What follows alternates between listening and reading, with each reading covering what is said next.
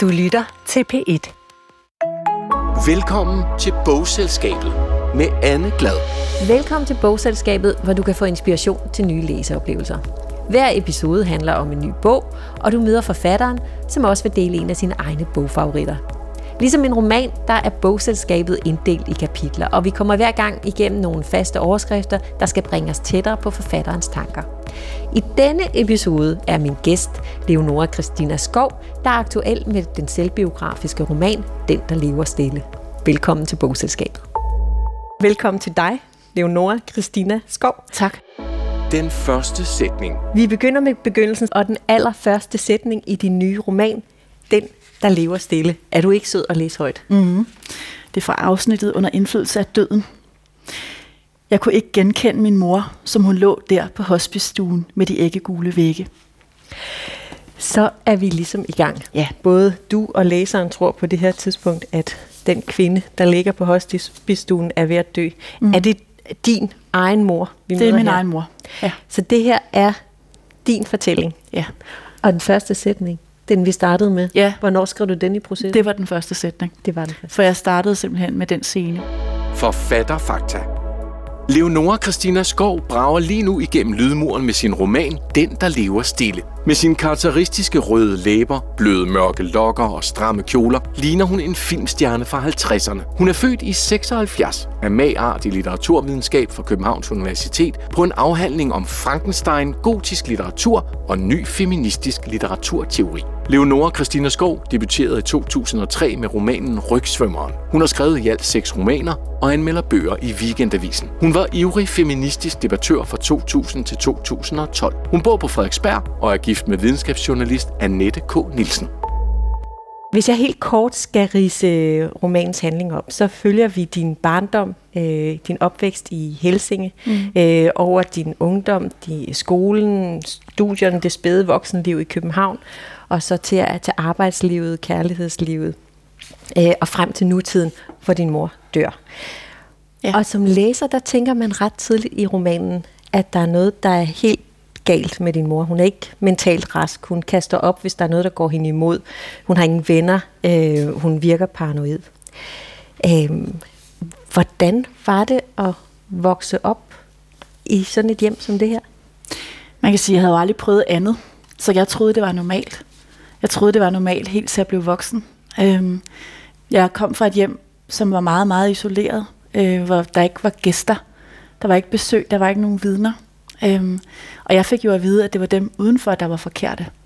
Og vi var normale inde hos os.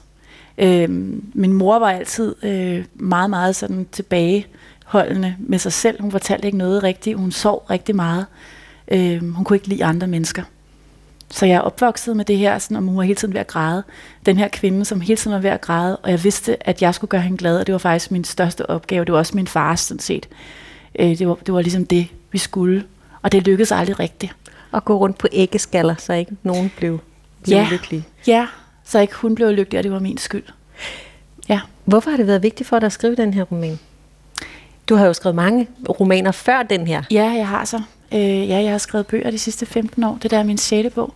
De andre har været, altså, har sådan set været samme tematik. Jeg har skrevet rigtig mange bøger, der handler om det der med at have en mor, som man ikke føler sig elsket af. Eller forældre i det hele taget, begge to. Øh, og det der med de der unge piger, der ankommer tomhændet, og jeg kunne bare se, at jeg blev med at skrive den samme historie igen og igen. Og jeg synes, den her var vigtig. Øh, jeg har hele tiden tænkt, når hun engang dør, så og min mormor jo det også, fordi hun var også en, der hele tiden troede med at dø, og jeg tænkte, shit, hvis jeg, hvis jeg skriver om det her, så dør de og sover. Det kunne jeg ikke. Øh, så derfor så ventede jeg, og tænkte, at en dag, så kommer jeg til at gøre det. Og hver gang alle de der år, hvor jeg har siddet og set på andre skrive deres selvbiografiske bøger, har jeg bare tænkt, fuck, jeg har en vildere historie. Jeg har simpelthen en vildere historie. I sidder der og klager over ingenting, altså. Så du har vidst i mange år, at du skulle skrive den her historie, Ja. men du har taget tilløb. Ja, det har jeg. Og du har hele tiden vidst, at din mor skulle dø, før du kunne skrive den. Ja. ja, fordi hun, altså dels fordi jeg jo følte mig så ansvarlig for hendes ved og vel, og fordi da hun, da hun blev syg af kræft, anklagede mig for at være skyld i den her kræftsygdom, fordi mit udspring var meget traumatiserende for hende, og vi så ikke hinanden i mange år, og hun ville ikke acceptere, at jeg var homoseksuel og alle de her ting. Så, øh, så øh, jeg var enormt bange for at blive anklaget for hendes død. Men, men, men bogen fortæller jo også om din far. Det er jo heller ikke noget specielt flatterende billede, der bliver tegnet af ham. Nej. Og han lever jo stadigvæk. Ja, men han havde ikke krammet på mig på samme måde. Jeg frygtede ikke ham, eller frygter ham på samme måde, som jeg frygtede min mor. Altså, jeg frygtede min mor. Jeg frygtede at blive anklaget på den der måde.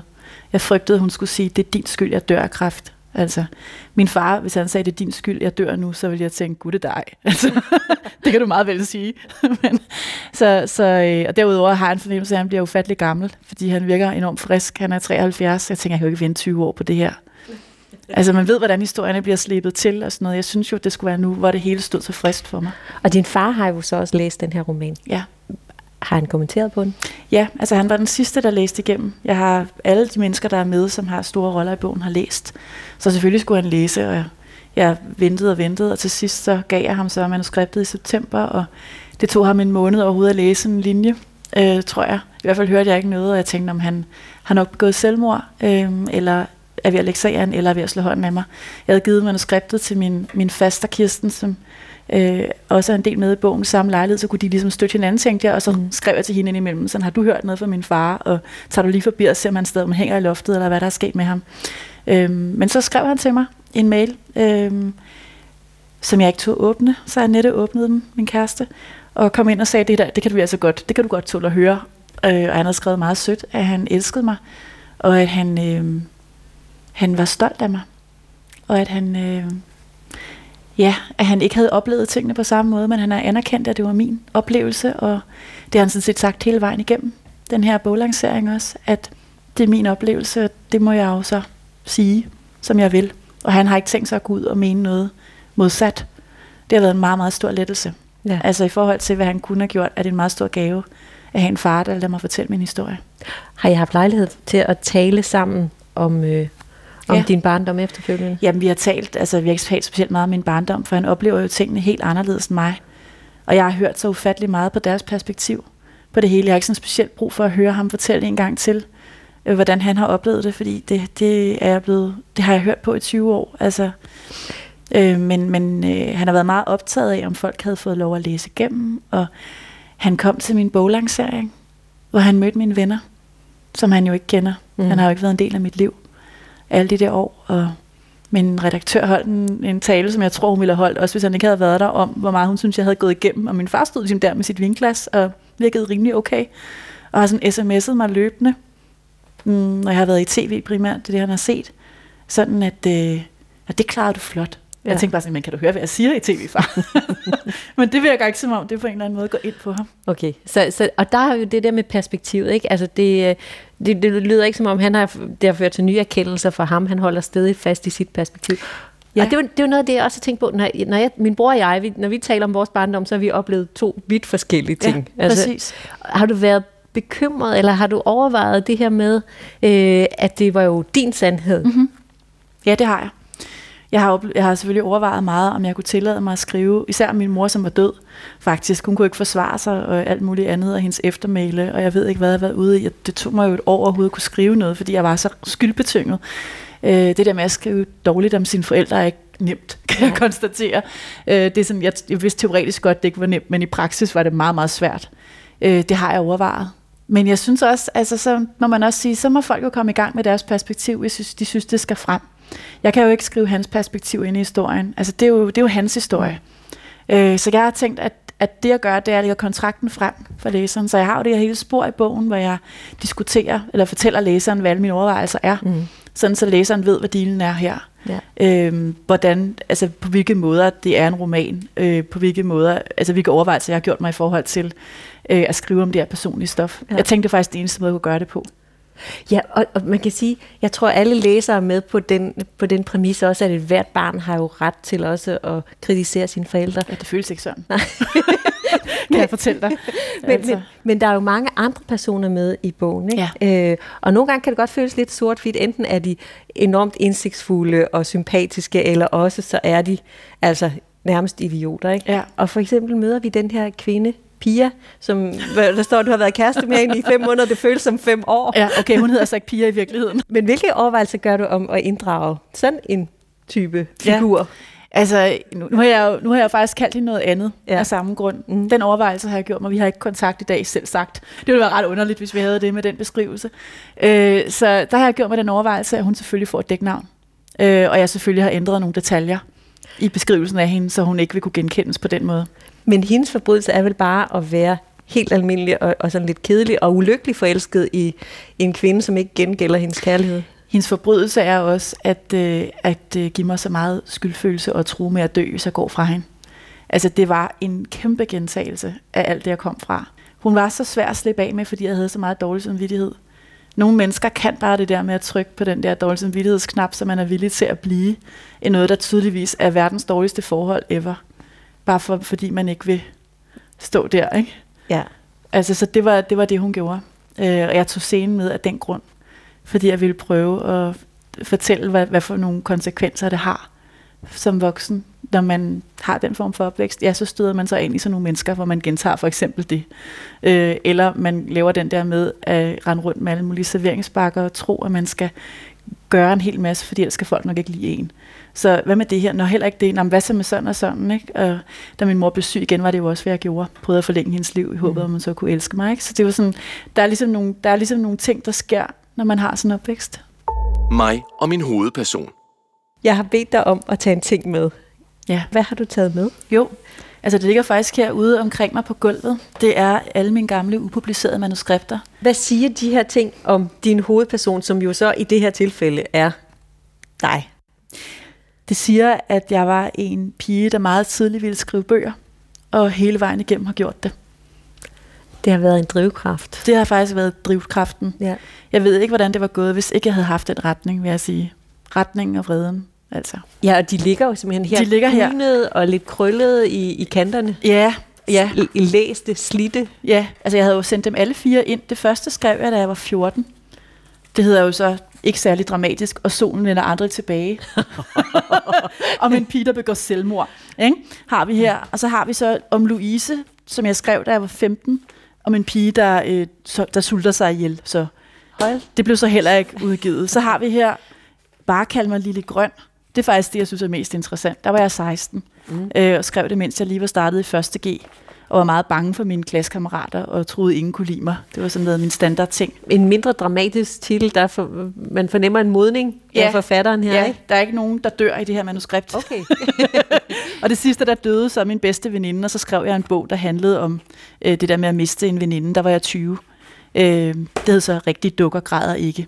Alle de her øh, manuskripter, de er også sendt ind til forlag. Ja, ja, det blev afskillige forlag. Og, og det ser jo professionelt ud, Ja. til trods for, at du har været så ung. ja, ja, ja, Du ja. beskriver også i romanen, hvordan at du netop skriver de her, og din far øh, bidrager med korrekturlæsning. Ja, det har jo været det, der har været mærkeligt, fordi mens jeg har skrevet bogen, har jeg jo genlæst alt det her manuskript her. Jeg har også en masse små bøger her, hvor jeg sidder og tegnet inde i bøgerne og så skrevet. Ikke? Men ja, min far læste korrektur på det hele, og det kan man jo så undre sig over, at han, at han nøjes med og måske ikke ligesom læste, hvad der stod.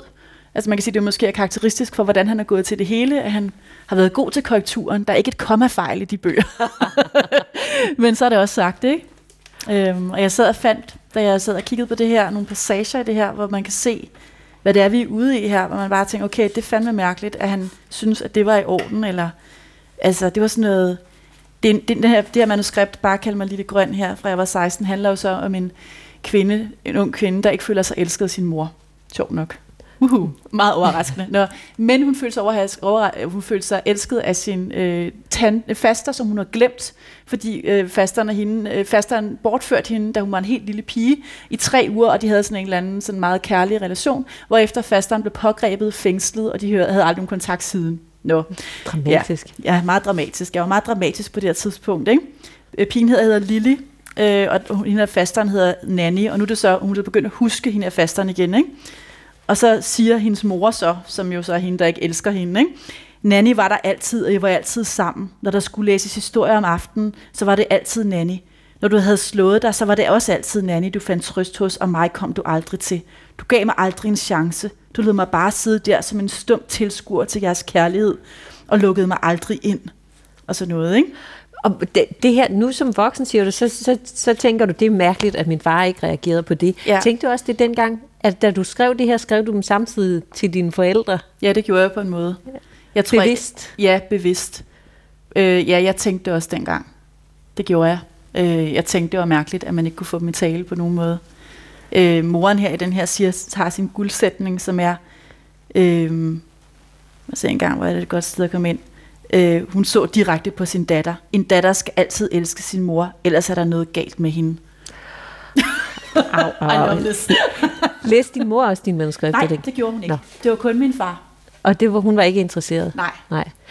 I modsætning til, til den gang, hvor du ikke fik nogen respons på dine manuskripter, så får du altså masser af respons på den her roman. Ja.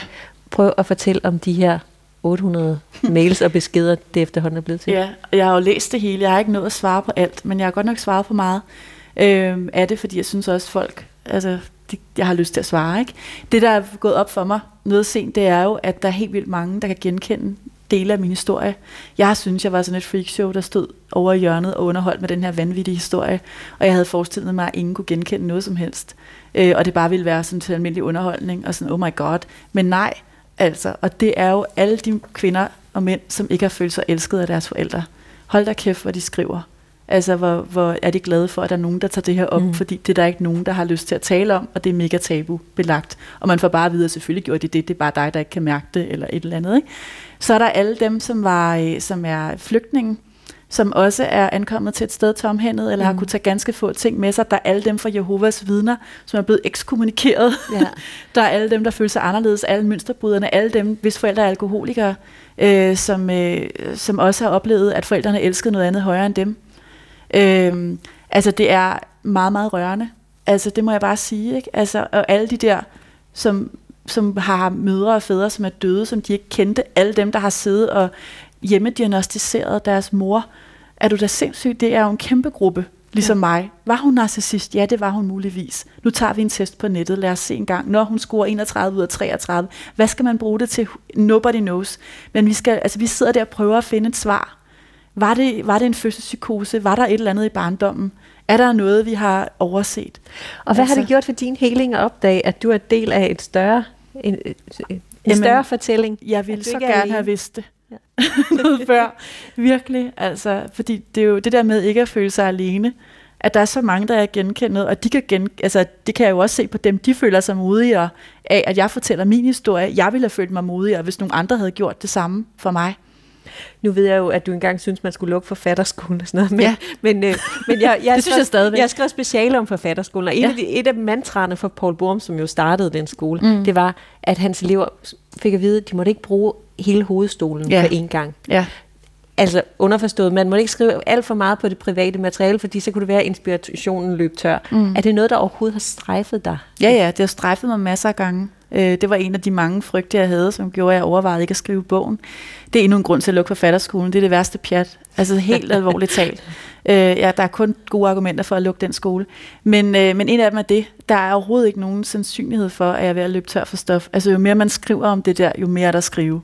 Altså jeg kunne skrive det der seksbindsværk, som Knavsgaard har skrevet, så let mm. som ingenting. Der er stof til ufattelig mange bøger. Ingen vil jo tillade en kvinde at skrive seks bind om sig selv. Vel? Men hvis de ville, så var jeg klar.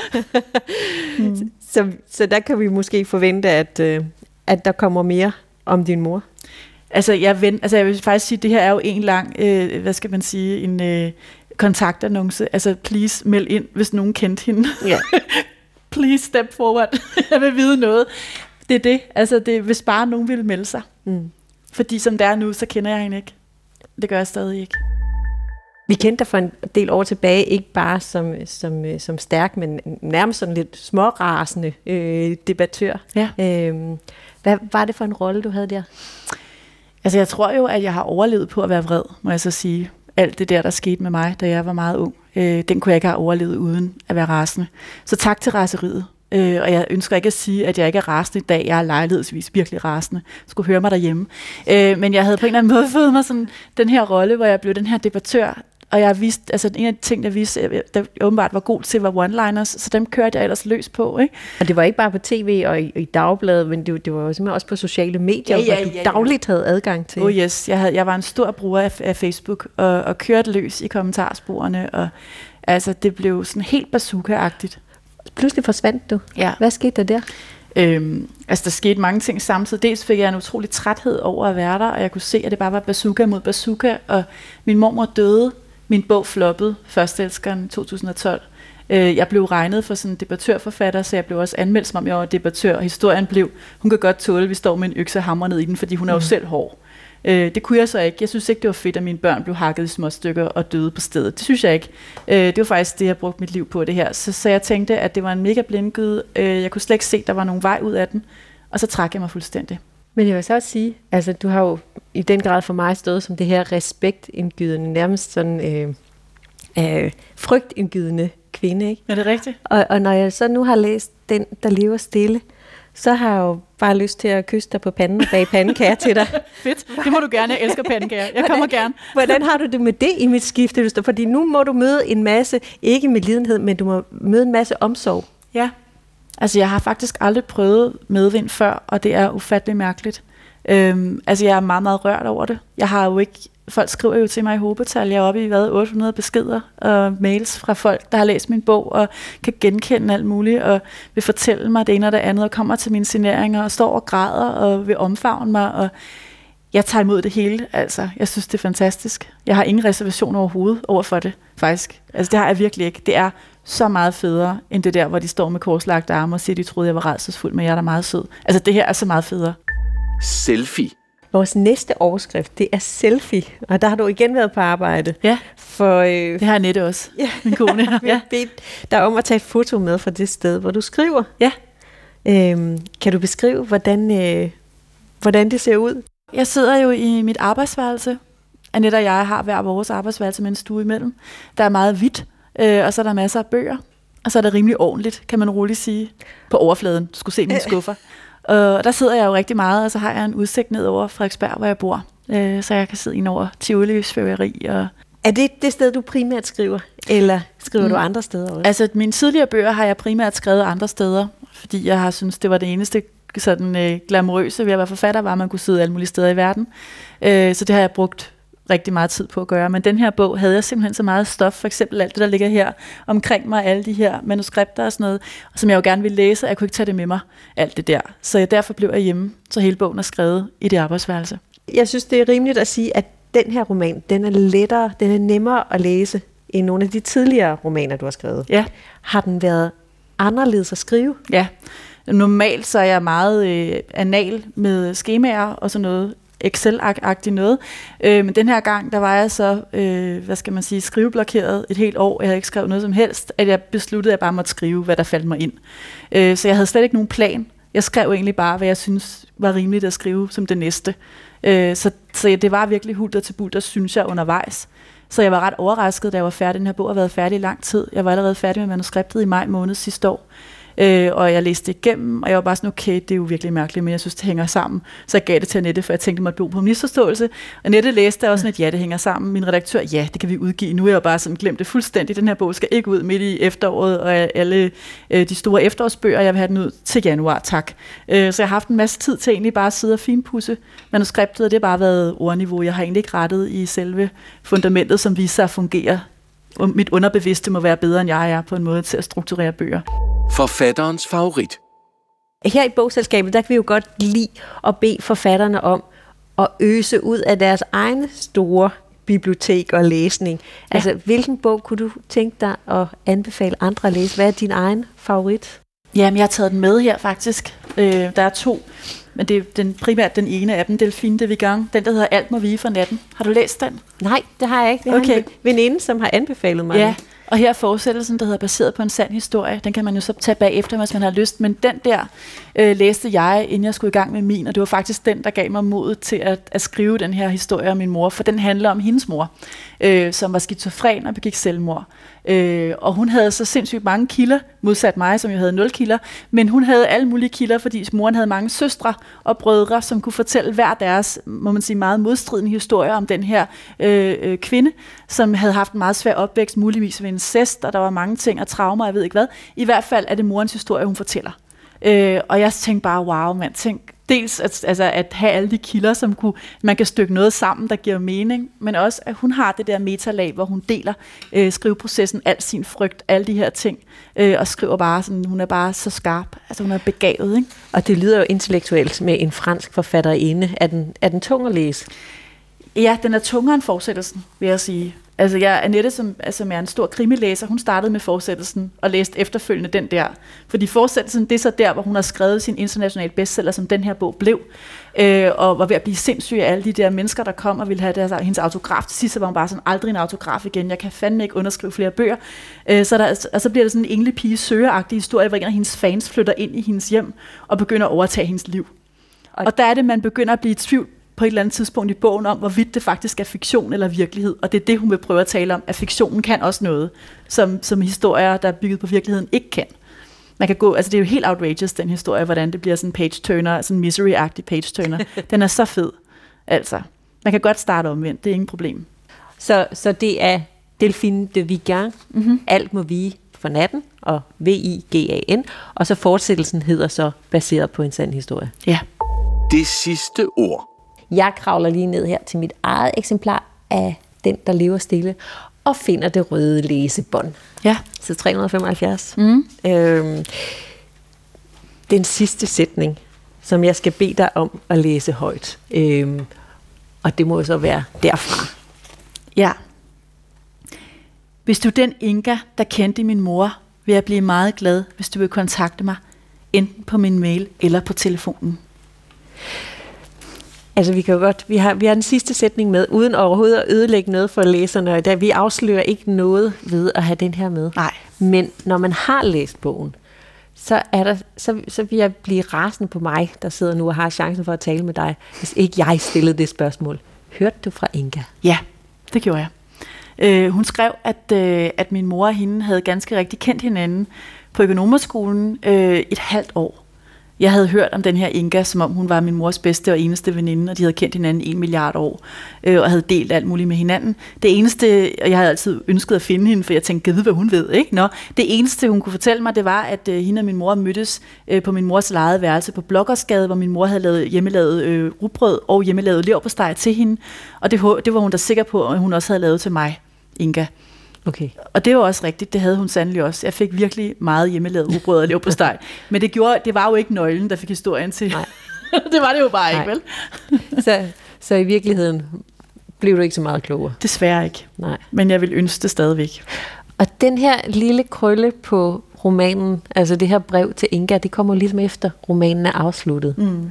Så selv efter at have skrevet en hel roman og have arbejdet med det her stof i flere år, ja så bliver du stadigvæk nødt til lige at undersøge, om du kunne blive lidt klogere. Jeg tror ikke, det holder op. Altså hver gang jeg går ud og taler om den her bog, eller signerer, så håber jeg, at der står en, der kender, der, der kommer og siger til mig, ved du hvad, jeg kendte din mor dengang, og nu skal du høre, hvad der skete. Jeg håber det så meget. Tusind tak, fordi du kom til bogselskabet, Leonora Christina Skov. Lytterne anbefaler. En morsom bog, det er øh, Dobler af Erland Lo, fordi øh, den tegner et øh, hyldende, morsomt og absurd øh, portræt af os frustrerede moderne mennesker. En mand, der flygter fra sin gravide øh, kone og sine små børn ud i en skov, hvor han indgår et fællesskab med en øh, el-unge, der hedder Bongo. Øh, og der går han så og gør sig en masse tanker om livet, og det er totalt sjovt øh, og absurd. Dobler af Erland Lo. Jens Mavum Sørensen, mærkedag. Ekstremt vedkommende bog for mig, fordi jeg, ja, det giver op for mig ved at læse den bog, hvor, hvor meget jeg egentlig kan have til fælles med nogle personer, der er vokset op i en helt anden sted, end jeg selv er.